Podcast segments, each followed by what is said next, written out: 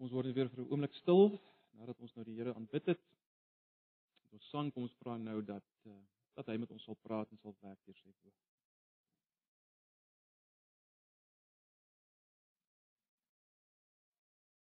Ja Here, ons kom nou na U toe met 'n verwagting. Ons is swak, U is sterk. Ons kom erken in die oomblikke dat ons sonder U niks kan doen nie. Soos ons op vanoggend sal sien, bely dit ook nou en ons vra daarom Here Jesus kom u self en breek u woord vir ons oop. Maak ons verstand helder, help ons om te sien dit wat u wil hê ons moet sien. En verander ons deur die werking van u woord en u gees asseblief. Ons vra dit net in Jesus se naam. Amen.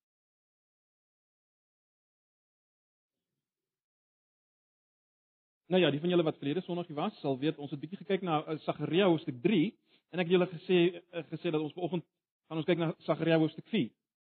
Dit is gedeeltes uh, waarby ons nie baie baie dit wil stil staan nie. Sagaria 3 miskien is 'n meer uh, bekende een van ons verlede Sondag gekyk het. Uh, ook dalk 'n makliker een as mens dit so kan noem. Sagaria 4 dalk minder bekend, 'n bietjie moeiliker om te verstaan. Uh Maar ek het tog gedink dit sal goed wees as ons vanoggend daarby stil staan. Voor ons dan nou uh volgende Sondag uh, wegval met met Markus Evangelie. Kom ons kyk 'n bietjie na hierdie gedeelte. Sagaria hoofstuk 4. Kom ons lees uh saam. Uh ek gebruik maar die 83 vertaling. Ek vertrou julle sal kan volg. Die engel wat vir my die gesigte moes uitlê, het teruggekom en my wakker gemaak net soos 'n 'n mens uit sy slaap wakker gemaak word. Hy het vir my gevra, "Wat sien jy?" Maar hy het self voortgegaan. Ek het gesien daar is 'n kandelaar heeltemal van goud. Bo-op is 'n oliebak met sewe tuite en sewe lamputte in elkeen. By die kandelaar is daar twee olyfbome, een regs van die oliebak en een links. Ek dit vir die engel, wat vir my die gesig moes uitlei. Wat beteken dit, meneer? Hy het geantwoord: "Weet jy nie wat dit beteken nie?" Ek het gesê: "Nee, meneer." Toe sê hy vir my: "Hier is die boodskap van die Here aan Seribabel. Nie met mag en krag sal jy slaag nie, maar deur my gees, sê die Here die Almagtige. Selfs die grootste berg sal voor Seribabel gelyk te word. As Seribabel die laaste klip van die tempel op uh, op sy plek sit, sal die mense roep: "Mooi, mooi." Daarna kom die woord van die Here tot my: "Sê die Babel se hande het hierdie tempel se fondamente gelê. Sy hande sal dit klaar bou. Dan sal julle weet dat die Here die Almagtige my na julle toe gestuur het. Moenie die dag van klein dingetjies gering ag nie. Die mense sal bly wees wanneer hulle sien sê die Babel gaan aan met die bouwerk. Daardie sewe oë op die klip voor Jesua is die oë van die Here wat oor die hele wêreld kyk. Toe vra ek vir die engel, wat beteken daardie twee olyfbome weerskante van die kandelaar? En verder het hy ook vir hom gevra, wat beteken die twee bondels olyftakkies langs die twee goue pype waaruit die goudkleurige olie stroom? Hy het vir my gesê, weet jy nie wat dit beteken nie? En ek het gesê, nee meneer. Vers 14 toe sê hy, dit is die twee gesalfdes wat in diens staan van hom aan wie die hele aarde behoort. Dis die gedeelte. Nou broers en susters, ons het 'n uh, eh, verlede uh, Sondag gesien hoe die Here vir ons uit 'n Ou Testamentiese gedeelte Sagaria 3 bemoedig en en en en versterk en vastigheid gee oor die vraag: Hoe kan ek gegeewe week is met my vuilheid, my onreinheid, hoe kan ek voor die Here staan? Dis die vraag waarna ons verlede Sondag gekyk het en as jy nie hier was nie, Ehm um, kry maar die uh, die CD. Uh, eh, dis 'n gewellige belangrike vraag, is dit nie? Hoe voel God oor my? Hoe kan hy oor my goed voel? Hoe kan hy my aanvaar? En ons het gesien Sagaria 3 uh is 'n Ou Testamentiese dis 'n Ou Testamentiese gedeelte wat vir ons ongelooflike insig gee uh op hierdie vraag en die antwoord op hierdie vraag. Nou vanoggend wil ek hê ons moet kyk na Sagaria 4 en ek wil hê ons moet raak sien hoe hierdie gedeelte weer vir ons rigting gee, vastigheid gee met met die volgende vraag wat is die Gees? Wat is die Heilige Gees se eintlike werk? Wat is die Heilige Gees se eintlike werk? Hoe weet ek wanneer die Gees werk? Julle sal weet daar is daar so baie stemme in die dag waarin ons leef, uh uh so baie antwoorde op hierdie vraag. Maar ek wil hê ons moet volgende in die lig van hierdie gedeelte kyk of ons nie 'n antwoord hierop kry. En dan natuurlik baie belangrik, hoe ontvang 'n mens die Gees of hoe hoe kom jy onder die invloed van hierdie Gees? Maar daar's ook baie antwoorde wat op hierdie vraag gegee word. Hoe raak die Gees werksaam? Hoe kom ek onder die invloed van die Gees? Wel, kom ons kyk na Sagaria 4. En uh, kom ons onthou weer Romeine 15 vers 4. Julle sal onthou ag ons het al so baie na daai vers verwys uh, wat Paulus sê alles wat geskrywe is in die Ou Testament is vir ons opgeskryf om vir ons vastigheid te gee. Om vir ons bemoediging te gee. Met ander woorde ons wat leef na die koms die lewe, die sterwe, die opstanding van Jesus. Goed. Voordat ons 'n bietjie gaan insak op hierdie uh, gedeelte, kom ons gee net 'n bietjie van 'n historiese agtergrond net baie kortliks. Uh die bediening van die profeet Sagaria oorvleuel so met 2 jaar uh met die bediening van Haggai. Of nie 2 jaar, ek sê 2 maande. Oorvleuel omtrent so 2 maande met die bediening van die profeet Haggai. Histories tree hulle op in die basies dieselfde tyd. Uh baie belangrik, hulle was albei tussen die tweede groep van Babiloniese ballinge wat teruggekeer het na Jerusalem onder die leierskap van die Davidiese koning Seribabel. So die naam Seribabel sal julle in Haggai en Sagaria uh, ek sal julle Jerusalem self het natuurlik nog 'n pynhoop gelê. Julle sal weet daar's wel begin om die fondament van die tempel te lê. Die fondament is klaar gelê, maar daar was baie probleme en daarom is die werk gestaak. Daar was probleme met die Samaritane wat hulle gehinder het met die werk.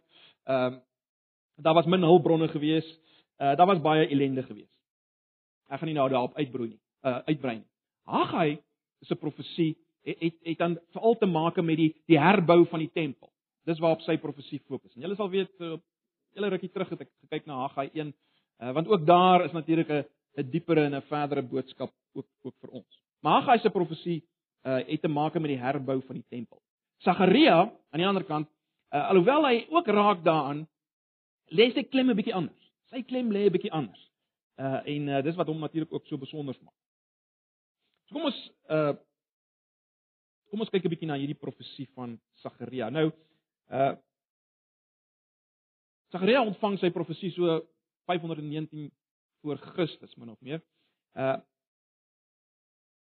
meer presies, hy hy ontvang ag vreemde visioene sowel as 'n aantal profetiese uitsprake wat wat in die eerste twee dele van van hierdie boek gevind word in hoofstuk 1 vers 7 tot hoofstuk 2 vers 13 word daar hiervan gevind en dan weer in hoofstuk 3 vers 1 tot hoofstuk 6 vers 15 word van hierdie uh hierdie vreemde visioene en uitsprake gevind. Die gedeelte wat ons gelees het, vorm die 5de van hierdie visioene. Die gedeelte wat ons gelees het, vorm die 5de van hierdie visioene, die 5de een daarvan.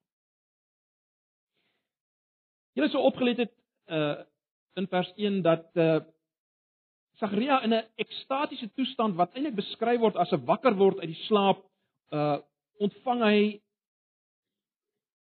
'n visioen, word hy iets gewys. Hy word 'n duur goue lampstander gewys. Uh in die vorm van 'n silindriese kolom. Nou ons ons moet uh vir mekaar sê dit was nie 'n sogenaamde menorah die die lampstanders wat gevind is in die tempel van Salomo nie. Hierdie was 'n bietjie iets anders. Uh hier hierdie lampstander het, het, het basies spits na bo geloop met 'n oliebakkie bo.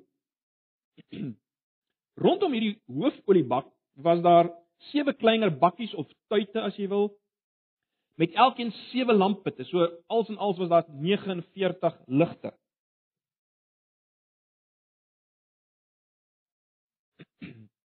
Nou ek moet miskien net uh, sê die verskillende vertalings sukkel nogal om uh, om om om hierdie uh, goeters dieselfde te vertaal, maar maar dis min of meer as jy hierdie prentjie het dan het jy min of meer die prentjie in gedagte. Maar baie belangrik, aan elke kant van die lampstander was daar 'n olyfboom met takkies wat oorgehang het en uh takkies wat oor hierdie hoofbak olie gehang het en en die olie is dan direk vanaf hierdie olyfboom gevoer na die lampstander, baie belangrik sonder enige kan mens sê mensewerk, enige medewerking van enige mens. Dis dis basies wat wat uh wat Sagaria sien. En uh Sagaria vra, julle sou opgelet het, hy vra eintlik 3 maal vra hy eintlik wat beteken hierdie vreemde visioen? Uh ons kry iets daarvan in vers 4 en vers 11 en vers 12. Uh die engel praat in vers 6 en 7 en dan gee hy die die hoofbetekenis van dit alles in vers 6. Die hoofbetekenis van van hierdie hele visioen is eintlik in vers 6 saamgevat, né? Nee. Daai tweede gedeelte van vers 6. Nie met mag en krag sal jy slaag nie, maar deur my gees sê die Here die Almagtige. Uh, baie belangrik om dit raak te sien. Dis eintlik die hoof hoofboodskap. Sagaria self gee dan in vers 8 tot 10 eh, 'n profetiese uitspraak en uiteindelik word daar nog meer 'n 'n meer spesifieke verduideliking van hierdie hele visioen gegee in vers uh, uh, uh, vers 10b tot vers 14. Maar goed. Kom ons probeer nou sin maak uh, uit hierdie visioen. Kom ons probeer 'n bietjie sin maak uit dit alles wat ons nou gesien het. Ek dink dit is belangrik om om net eerstens bietjie agtergrond te gee van van die die hele lampverskynsel as ek dit so kan stel. Uh die lamp in in in die tabernakel is baie belangrik om dit te onthou. Uh as agtergrond, elke aand moes die lamp in die tabernakel en die tempel aangesteek word en dan dwars deur die nag het hierdie lamp gebrand. Dis belangrik. So dit net iets wat die lamp uh lamp betref in die algemeen. Die 49 ligte waarna ek verwys het, wat ons nou kry op hierdie lamp wat Sagaria sien, uh ongetwyfeld verwys dit na verwys dit na die verbondsvolk Israel. Julle sal weet oor en oor lees ons dat uh Israel moes die lig wees vir die nasies, né, nee, baie belangrik. Hulle was bedoel om as lig te skyn vir die nasies en dis in 'n sekere sin gesimboliseer deur die lig van uh die die tempel op Sionsberg. Dan word die Die lig van die tempel op Sionsberg was 'n afbeelding gewees as jy as jy wil van dit wat die volk moes wees vir die nasies. Anders gestel, as mens dit bietjie anders kan stel, ons weet God is lig. En Israel moes en dit weet julle kry mens oor en oor, Israel moes heilig wees soos God heilig is. Anders heel volkome wees soos God is. En so sou hulle God se lig laat sigbaar word in die wêreld. Goed, so dit 'n bietjie meer 'n verstaan van die belangrikheid van lig. Kom ons dink 'n bietjie oor die olie. Nou, daar's min twyfel dat die olie hier simbolies is uh van God se gees. Olie is simbolies van God se gees. Kom ek ek verwys net na twee gedeeltes waar ons dit sien. Eerste een is 1 Samuel 16 vers 13. Julle kan maar luister of julle kan dit uh, naslaan 1 Samuel 16 vers 13 net om te sien hierdie hierdie verband. Uh, ons lees in 1 Samuel 16 vers 13 Samuel neem toe die horing met olie en salf hom te midde van sy broers en die gees van die Here het van die dag af verder oor Dawid vaardig geword. Jy sien mense die die verband tussen die salf met die olie en dan dan die gees. Uh mens sien dit ook byvoorbeeld in Jesaja 61 vers 1. Die gees van die Here Here is op my omdat die Here my gesalf het en en en die salwing het altyd met olie plaas. So die olie hier in die visioen, 'n visioen is ongetwyfeld uh, 'n simbool van die Heilige Gees en julle sal nou weet in vers 6 uh die die fokus van hierdie hele visioen is die die feit van nie deur mag of krag nie, maar deur my gees. So die olie min twyfel die olie uh staan vir God se gees, is simbolies van God se gees. In vers 10 uh in die tweede deel van vers 10 lees ons van van die sewe oë. Kyk net daar, 10b. Daardie sewe oë op die klip voor Jesua is die oë van die Here wat oor die hele wêreld kyk. Nou is baie interessant. Kyk gou na Openbaring 5 vers 6. Kyk gou na Openbaring 5 vers 6.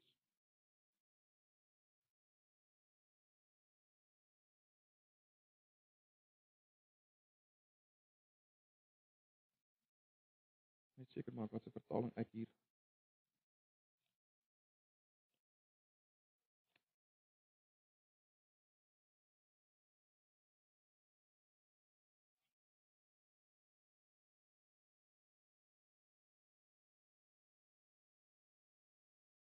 Ja, kom ek lees maar die die 83. Ek het die 53 hier voor my oop, maar kom ek lees maar die 83.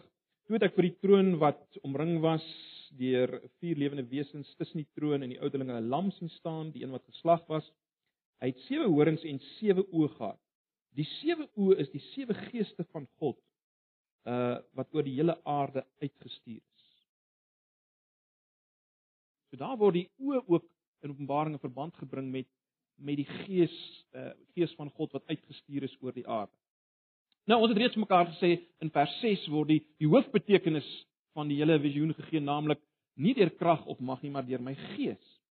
Julle sal weet in in in Genesis 1 uh reeds sien ons dat die gees van God uh sweef oor die waters as daar duisternis is.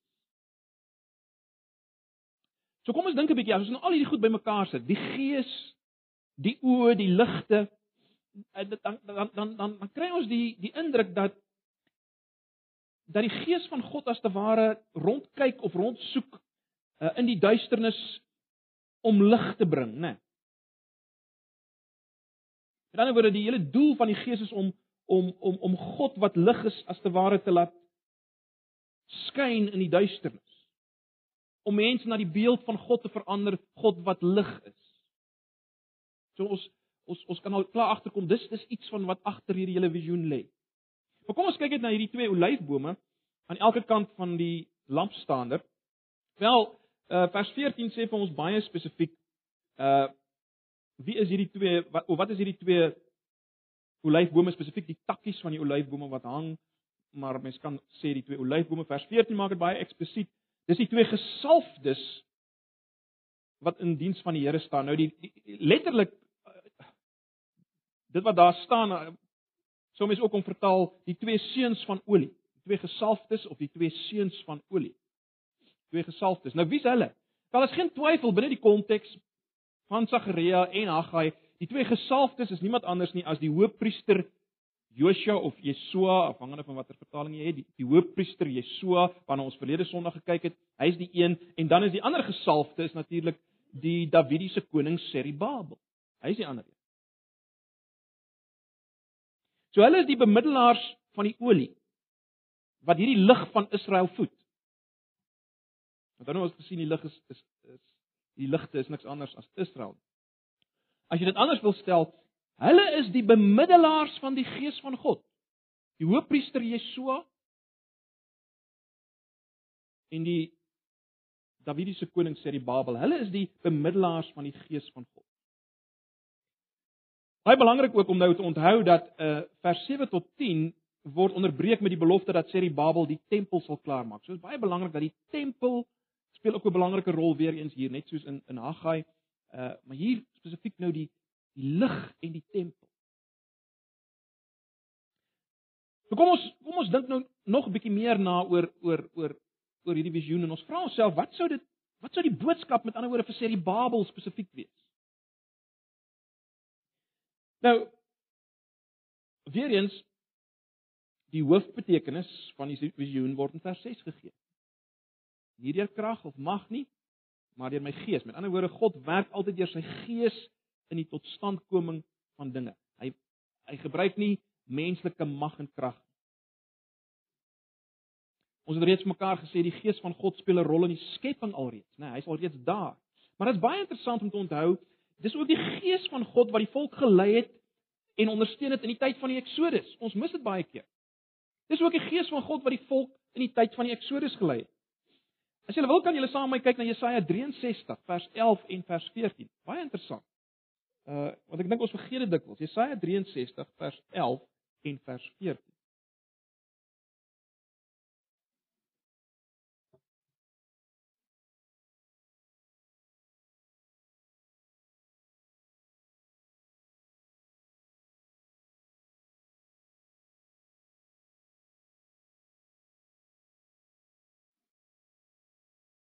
Jesaja 63 vers 11.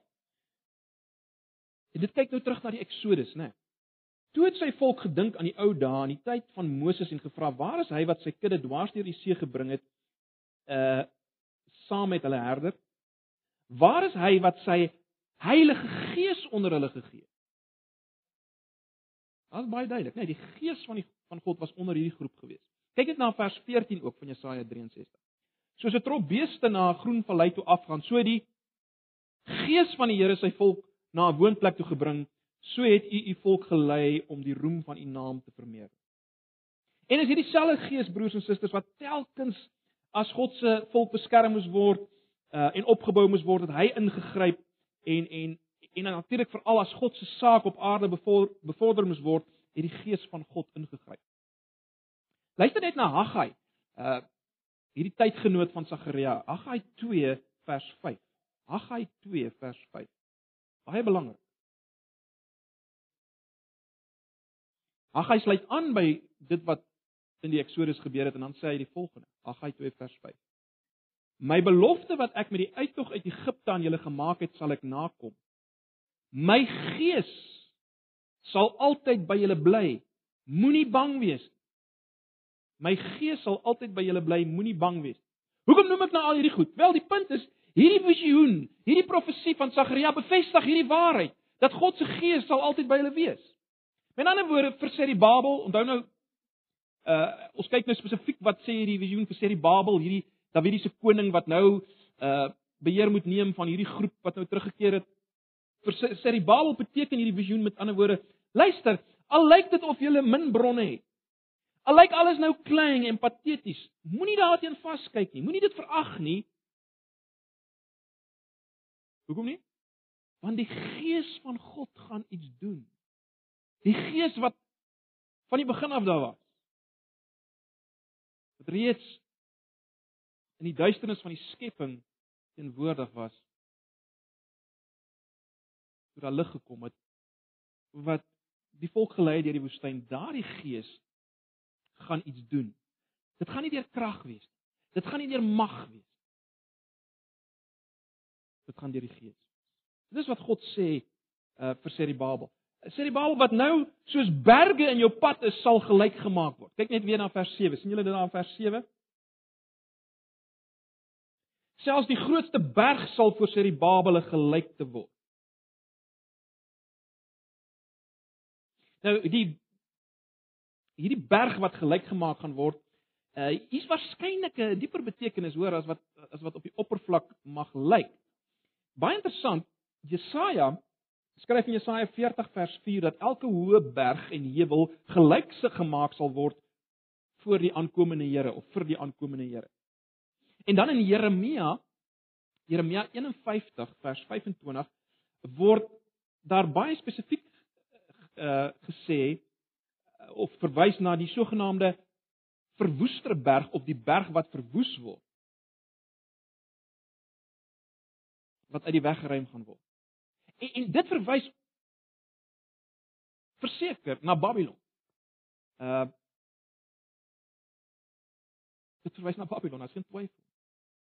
Wat op 'n berg geleë was, né? Nee, die berg wat verwoes.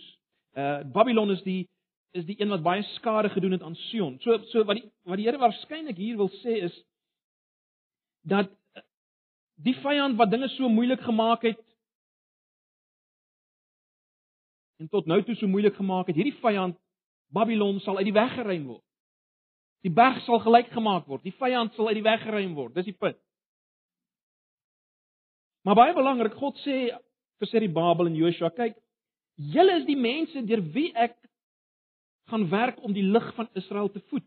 Die tempel sal herbou word en deur my gees sal Israel weer 'n lig vir die nasies wees.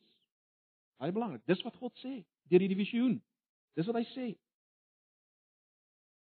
Met ander woorde, die punt is Israel sal 'n lig vir die wêreld wees net baie belangrik, net as hy gevoed word met die gees van God deur die bemiddeling van die hoëpriester Jesua en die Dawidiese koning Serubabel. Net dan sal Israel die lig wees uh vir die wêreld. Sy kan dit nie wees deur haar eie krag en haar eie mag nie. En haar eie bronne nie. Sy kan dit nie wees nie. Baie belangrik, die lig van God kan nie deur sy mense skyn na die wêreld soos hulle vertrou op God se gees.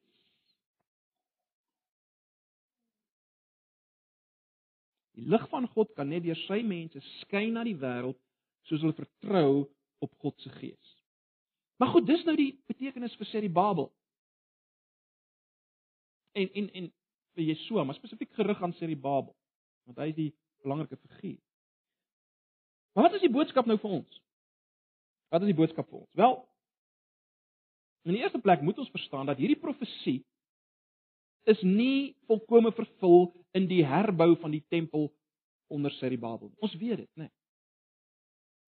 Soos alle profeseë was hier iets meer. 'n dubbele vervulling. Profesie het altyd so 'n dubbele vervulling. Word vervul en weer vervul en weer vervul. Hoor, hy, hy het nooit een punt van vervulling. Uh, hoe sien ons dit? Wel, ons lees byvoorbeeld dat daar 'n baie groot teleurstelling was toe die tempel uiteindelik herbou is. Die ouens het selfs gehuil.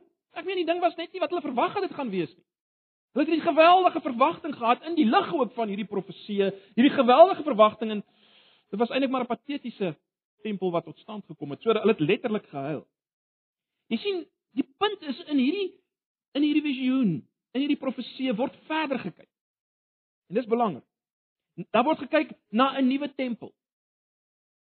En hieroor moet ons nadink. Daar word gekyk na 'n nuwe tempel, ons moet 'n bietjie daaroor nadink.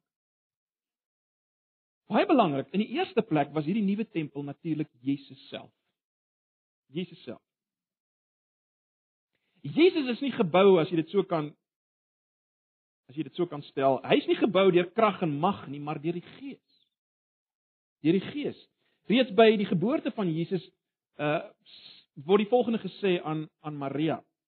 Luister maar net da, uh, daarna in Lukas 1 vers 35 lees ons die volgende. Die Heilige Gees sal oor jou kom en die krag van die Allerhoogste sal jou oorskry. En 'n entjie verder in Lukas 2 vers 40 lees ons die volgende: En die kindjie, dis nou Jesus, het gegroei en sterk geword in die gees en vol van wys. In die gees en vol van wys. En hierdie Jesus, weet ons, was God se tempel op aarde terwyl hy hier was. Nee. Ag ons het al baie hieroor gepraat, maar uh ek verwys maar net weer na Johannes 2 vers vers 19 tot 21 waar Jesus gesê het breek hierdie tempel af en in 3 dae sal ek dit oprig. Hy kyk daarna die fisiese tempel en hy sê breek die tempel af en ek sal dit in 3 dae oprig. En dan is die Jode baie verstom. In Johannes 2 vers 20, hulle sê 46 jaar lank is aan hierdie tempel gebou en en u sal dit in 3 dae oprig. Dis mos nou belaglik. En dan kom Johannes die skrywer onder invloed van die Gees en hy sê waaroor dit eintlik gaan. Hy sê in vers 21 van Johannes 2, maar hy, dis Jesus, het oor die tempel van sy liggaam gespreek of gepraat. So, wat sien ons? Reeds by die geboorte van Jesus ons sien sy geboorte is deur die Gees. Ons sien hy's die tempel. Maar wat doen Jesus? Die een wat deur die Gees of of of, of by wie die Gees alreeds betrokke was van sy geboorte. Wat doen Jesus? Wel, Jesus as tempel is die lig van die wêreld, is dit nie? Uh dink aan Johannes. Uh dink aan Johannes 1 vers 9. Die waaragtige lig wat elke mens verlig was aan kom na die wêreld, sê Johannes in sy evangelie. Die waaragtige lig wat elke mens verlig was aan kom na die wêreld. Dis hierdie Jesus. So Jesus was in die eerste plek die tempel en die lig. Maar dit is baie interessant. Jesus self sê alreeds in in in die bergrede sê hy vir sy mense, sy volgelinge, julle is die lig, né? Nee, mense mens dink aan Matteus 5 vers 14. Julle is die lig van die wêreld. 'n Stad wat bo op 'n berg lê kan nie weggesteek word nie. En 'n mens steek ook nie 'n lamp op en sit dit onder die maatemme nie, maar op die staander en dit skyn vir almal wat in die huis is. Vers 16 van Matteus 5. Laat julle lig so skyn vir die mense dat hulle julle goeie werk kan sien en julle Vader wat in die hemel is verheer. So reeds in Jesus se aardse bediening gee hy die aanduiding daarvan dat sy mense, sy volgelinge gaan lig wees, soos hy lig. Hoe gebeur dit histories? En ek gaan nou vinnig oor hierdie goed, ons het al daaroor gepraat, né, nee, maar belangrik dat ons dit net weer sal sien. Hoe gebeur dit histories? Wel, ons sien in Handelinge hoe gebeur dit histories, né? Nee. Jesus na sy 'n kruisiging en opstanding vaar op na die hemel. En dan kom die Heilige Gees, word die Heilige Gees uitgestort. En wat doen die Heilige Gees? Wel, die Heilige Gees om dit in kort te stel, bou die kerk.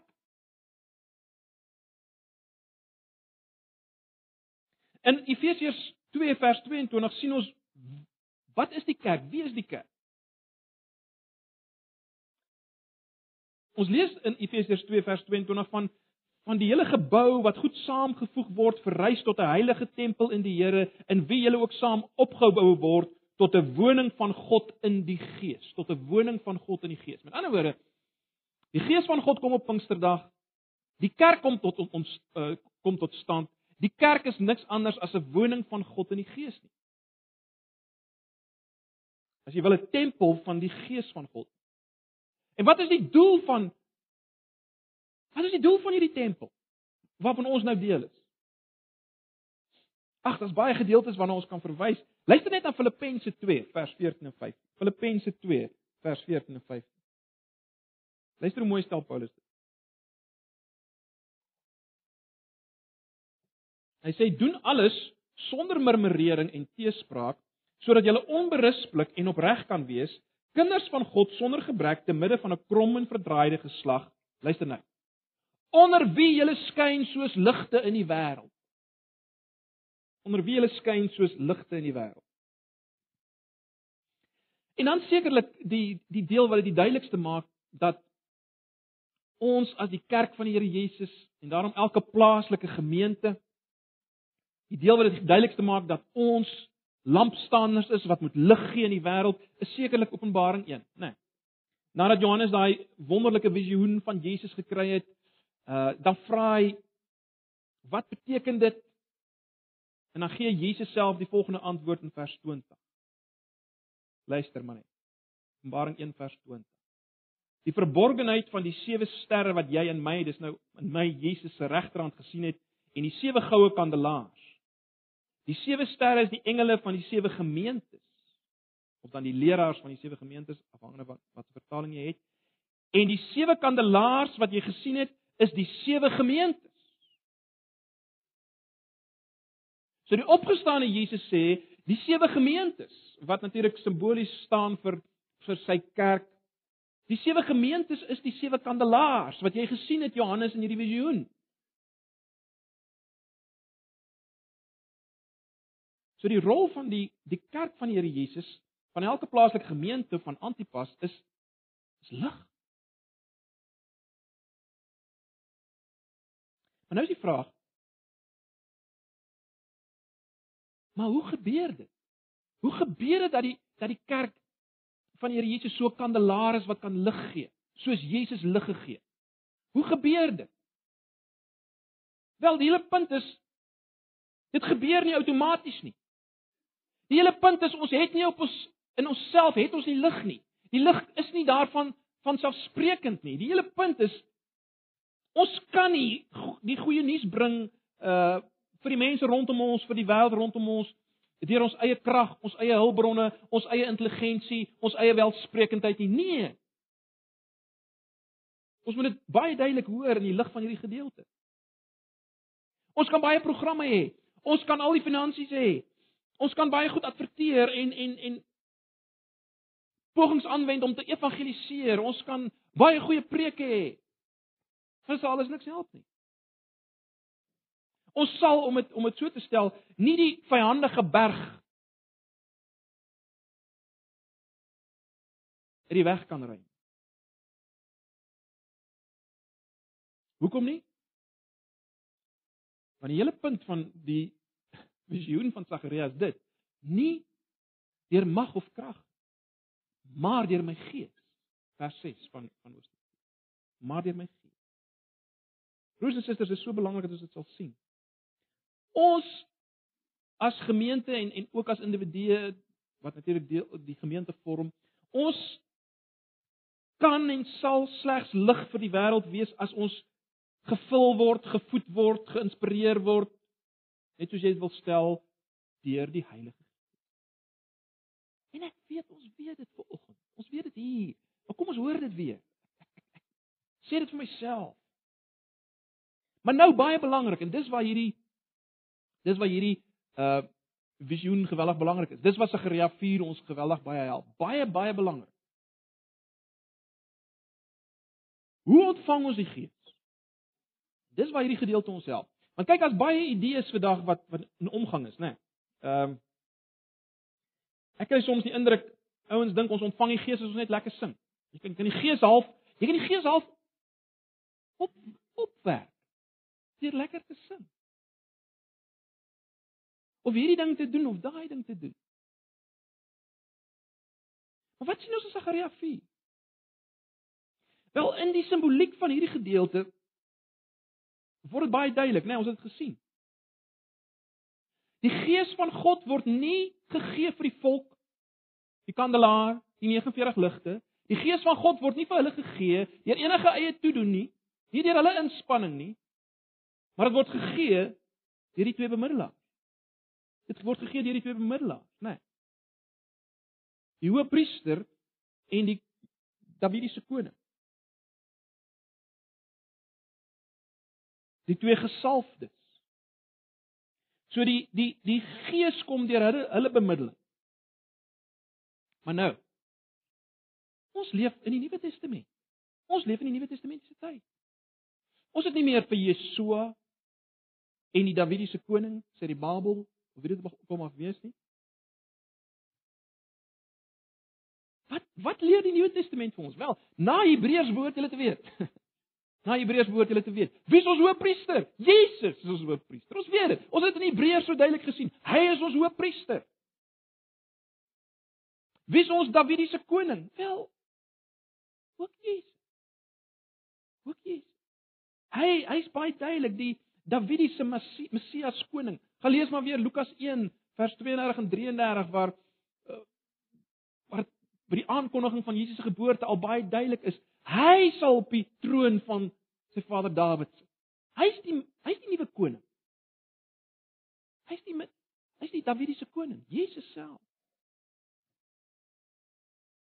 En as jy verder in die Nuwe Testament lees, eh, al klaar in die evangelies, dan sien jy Jesus en die Gees is onlosmaaklik aan mekaar verbind. In Johannes Evangelie is dit baie duidelik. Uh Jesus maak dit duidelik. Hy sê hy sal 'n hy sal 'n hy sal 'n ander trooster na hulle toe stuur. En, en ag, julle het al gehoor die die woord ander wat daar gebruik word is nogal interessant.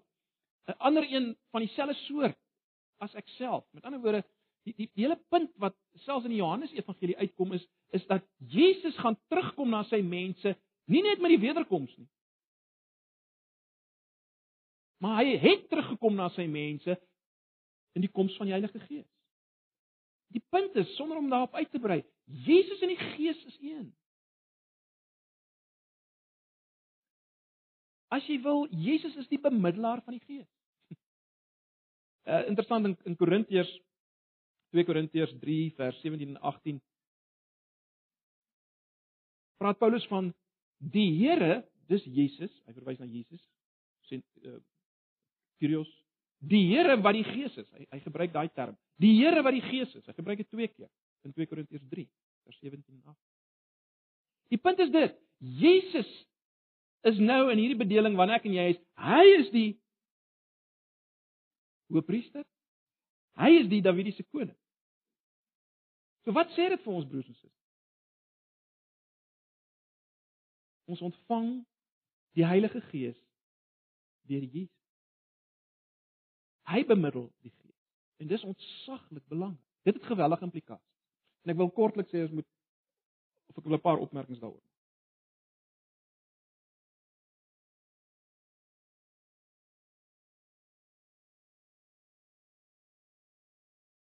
As dit so is,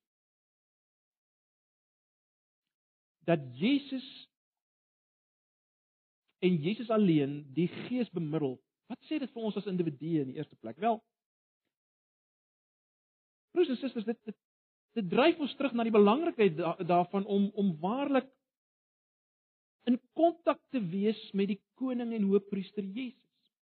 Met ander woorde, moenie kontak met Jesus die tyd of, of die spandeer van tyd met Jesus, moet dit nie verruil vir enigiets anders nie.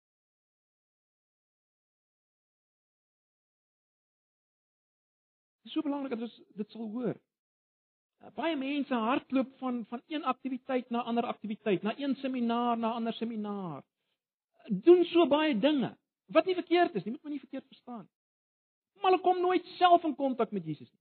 Hulle leef dikwels op die op die geestelikheid van ander ouens, ouens wat hulle lees. Hulle leef op hulle geestelikheid. Hulle kom nooit self in kontak met Jesus. En dis die gevaar by ons almal. Ek is grootste van almal. Dis die gevaar by ons almal, is dit? Die punt is wat hierdie hierdie profesie, hierdie hierdie visioen vir ons sê is ons is die lig van die wêreld slegs as as as Christus by wyse van spreuke daagliks die gees in ons giet, as ek daai beeld kan gebruik. Dan sal jy 'n lig kan wees by jou in jou huis. Jy sal 'n lig kan wees by die skool, by jou werk, waar jy ook al jouself mag bevind. As jy in kontak met Jesus is. As Jesus jou vul met sy gees. Jy sien, al die teologie in die wêreld kan jou nie 'n lig maak. Mens dink onwillekeurig aan Johannes 15 vers vers 5 waar Jesus sê sonder my kan julle niks doen nie. Ons vergeet dit so maklik? Ek vergeet dit so maklik. Sonder my kan julle niks doen nie. Kom ons dink 'n bietjie nog meer prakties daaroor. Hoe kan ons in kontak bly met Jesus en en toelaat dat hy sy gees aan ons skenk soos daai olyfbome die olie as te ware in die bak laat gestort het. Baie prakties. Leer Jesus ken. In die, in die eerste plek leer, leer hom om dit so te stel biografies ken. Nou die evangelies is meer as as biografiese materiaal oor Jesus, ek weet. Maar dit is tog belangrik om om die evangelies te lees. Matteus, Markus, Lukas en Jesus te leer ken, 'n prentjie te kry van wie Jesus was toe hy op aarde was. Leer hom ken. So, lees die evangelies, leer hom biografies ken. Maar leer Jesus ook, leer Jesus as jy wil teologies ken. Met ander woorde, lees Romeine, Galasië, Efesië. Daar waar die die die die, die apostels as te ware deur die Gees vir ons interpreteer wat Jesus se werk beteken het. En so leer ons hom nog beter ken. So leer hom biografies ken, leer hom teologies ken, maar leer hom proef onder maar leer ken hom proef ondervindelik. Kommunikeer met hom deur gebed en meditering oor oor wie hy is, sy persoon en sy werk. Ag broers en susters, dit is so belangrik. Ons kan nie genoeg hieroor praat nie. Ek dink alles word vir ons saamgevat. Uh as ons Efesiërs 5 vers 18 vergelyk met Kolossense 3 vers 16. En ek weet julle ken dit, ons het al baie daarna gekyk, maar kom ons kyk net weer daarna. Ek wil julle moet dit weer raak sien. Bly net na Efesiërs 5 en Kolossense 3.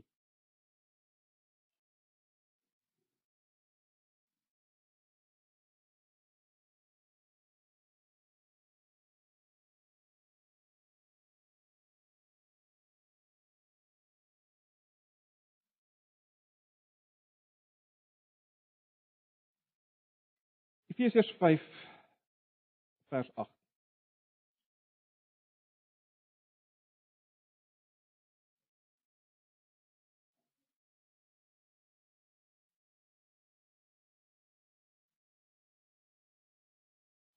Moet julle nie aan drank te buite gaan nie, daarmee gaan losbandigheid gepaard. Nee, laat die Gees julle vervul. Kom onder die invloed van die persoon van die Heilige Gees, dis wat hy sê. En dan gaan hy aan en sê sing onder mekaar uh psalms, lofgesange ensovoorts ensovoorts. En jy sal sien vanaf vers 21 af gaan hy praat hy oor die verhouding man en vrou uh en dan gaan hy aan ouer kind en uiteindelik eienaars en slawe daar in hoofstuk 6 vanaf vers 5. Maar belangrik Moenie dronk word van wyn nie, word vervul met die Gees of kom onder die invloed van die Gees en natuurlik hy's 'n persoon, so kom onder die invloed van die persoon van die Gees. Bly nou na Kolossense 3. Kolossense 3 vers vanaf vers 16.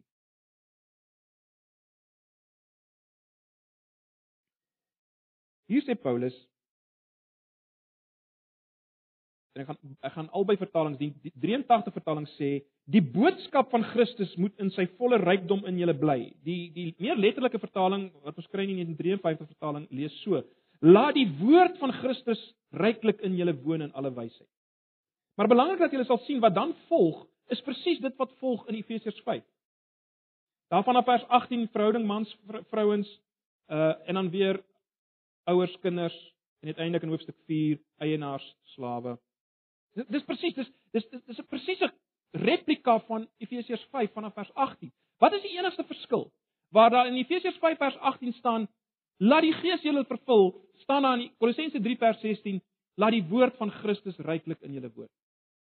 Verder is dit 'n replika van mekaar. Wat is die punt wat ek wil maak? Broers en susters, ons kom onder die invloed van die Gees, die persoon van die Heilige Gees. Hoe kom ons onder sy invloed? As die woord van Christus ryklik in ons woon. Met ander woorde, as ons sy woord lees en bestudeer, en dit maak sin nie waar nie, want die gees van God weet weet ons is nie net 'n krag of 'n mag nie, hy's 'n persoon. Hoe kom jy onder die invloed van 'n persoon? As 'n persoon met jou praat, as 'n persoon sy idees vir jou gee, dan begin jy dink soos daai persoon, jy begin optree soos daai persoon, jy kom onder sy invloed. As jy die woord van Christus lees, kom jy onder sy invloed. Die invloed van die Gees. Jy kom onder die invloed van die Gees. En dan dan kan jy lig wees. Dan kan jy lig. Dis die enigste manier. Dis die enigste manier. Ag, broers en susters, as gemeente, kom ons dink net vir 'n oomblik daaroor. As gemeente, mag ons nooit vergeet dat ons 'n lampstander of 'n lig is. En daar's 'n gewellige waarskuwing. Daar's 'n gewellige waarskuwing, julle ken dit uh in Openbaring 2. Waarskuwing aan die gemeente in Efese. Luister hierna, luister hierna. Efesiërs 2 vanaf vers 2. Ek ken jou werke en jou arbeid en jou lydsaamheid en dat jy slegte mense nie kan verdra nie en dat jy die op proef op, op proef gestel het wat sê dat hulle apostels is en dit nie is nie en hulle leenaars bevind het en dat jy verdra het en lydsaamheid besit en ter wille van my naam gearbei het en nie moeg geword het nie. Maar ek het dit teen jou dat jy jou eerste liefde verlaat het. En dan vers 5.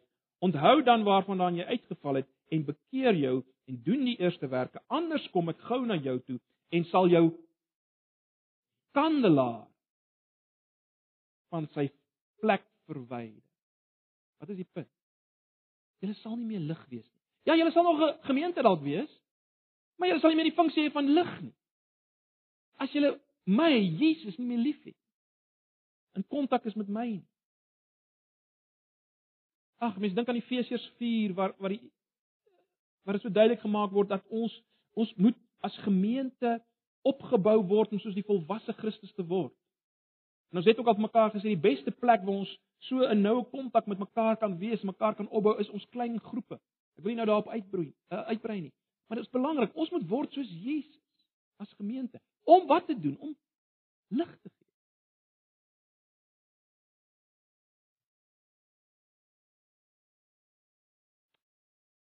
punt is broers en susters, dit lyk vir my ons lig gaan weggeneem word as ons op enige ander manier probeer lig wees as deur die Gees. As deur in kontak met Jesus te wees. Daarom is dit so belangrik dat ons as gemeente aan die voete van Jesus sal sit. Sal hoor wat hy te sê. In kontak met hom sal bly deur gebed as individue. Hoe sal ons weet of ons die Gees het as gemeente? Wel, as ons dieselfde gesindheid het as Jesus, die lig vir die wêreld. Jesus wat gesê het, ek het nie gekom om regverdiges te roep nie, maar sondaars tot bekering. As lig vir die wêreld het Jesus 'n passie gehad vir die duister. 'n Passie om lig te bring in die duister. As die Gees van God werk in 'n gemeente, is daar passie vir die wat in duister is om hulle in die lig te bring om hulle te laat verander na die beeld van God wat lig is. Dis ons wil weet dat die Gees van God werk. En dan oor broers en susters, ek sluit af. Ons het gevra aan die begin, wat is die Gees se eintlike werk? Wel, Sagaria 4 help ons. Die Gees se eintlike werk is nie om jou belewenisse te gee nie. Wat dit ook al mag wees. Om jou te laat val of goud in jou hare te sit of wat die geval mag wees. En ek wil nie 'n karikatuur maak van hierdie goed nie. Maar die punt is dis nie dis nie die gees van God se groot werk nie. Die die werk groot werk van die gees van God is om lig te bring. Van die begin af was dit so. So dis die gees se eintlike werk. Hoe sal ek weet die gees werk? Wel as ek ek in my eie lewe en as in 'n gemeente se lewe daar 'n begeerte is om lig te bring wat duister is. Dan is die gees aan die werk. Hoe ontvang ons die gees? Dit was die derde vraag wat ons in die begin gevra het. Wel ons sien dit nou. Ons ontvang nie die gees deur een of ander snaakse ritueel nie. Ons nie ontvang nie die gees deur in 'n beswyming te gaan tydens die sing van 'n lied nie. Ons ontvang die gees as ons in kontak is met Jesus ons hoëpriester en ons koning. As ons onder sy invloed kom, dan ontvang ons. En ag broers en susters, wat ons vanoggend vir mekaar moet sê, dis nie eintlik dis nie eintlik regtig opsioneel vir 'n gemeente. Dis waarvoor ons geroep is om lig te wees. En ons moet lig wees totdat Openbaring 21 vers 22 aanbreek. Kom ek sluit daarmee af. Kom ek lees Openbaring 21 vers 22. Ons moet lig wees totdat dit gebeur. Openbaring 21 vers 22. Johannes praat van die nuwe stad. Hy sê in 'n tempel het ek daarin nie gesien nie, want die Here God die Almagtige is sy tempel en die Lam. En die stad het die son of die maan nie nodig nie om hom om te skyn nie, want die heerlikheid van God het hom verlig en die Lam is sy lamp. En die nasies van die wat gered word sal in die lig daarvan wandel en die konings van die aarde bring hulle heerlikheid en eer daarin. Totdat dit gebeur, is ons bedoel om die lig te wees. Onder die invloed van die Heilige Gees. Ag broers en susters, dis my gebed vir myself in die eerste plek, net gebed vir elkeen van julle dat ons in die res van hierdie jaar en soos ons gaan besig wees met die boek Markus. Deur die bestudering van Jesus en die ken van Jesus onder die invloed van die Gees sal kom. Lampe sal wees wat lig kan gee vir die wêreld rondom. Mag die mag die Here ons daarmee help. Mag ons mekaar daarmee daarin ondersteun ook soos ons gaan besig wees eh, met die Markus materiaal in onsself. Kom ons bid saam. Here baie dankie vir u woord wat so diep en ryk is, al hierdie boek Sagaria ook.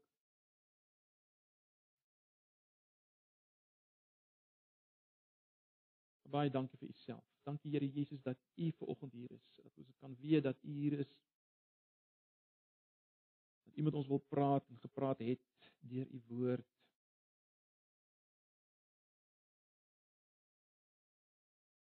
Dankie dat ons kan weet dat u een begeerte het en dit is dat ons onder beheer van u Gees sal wees.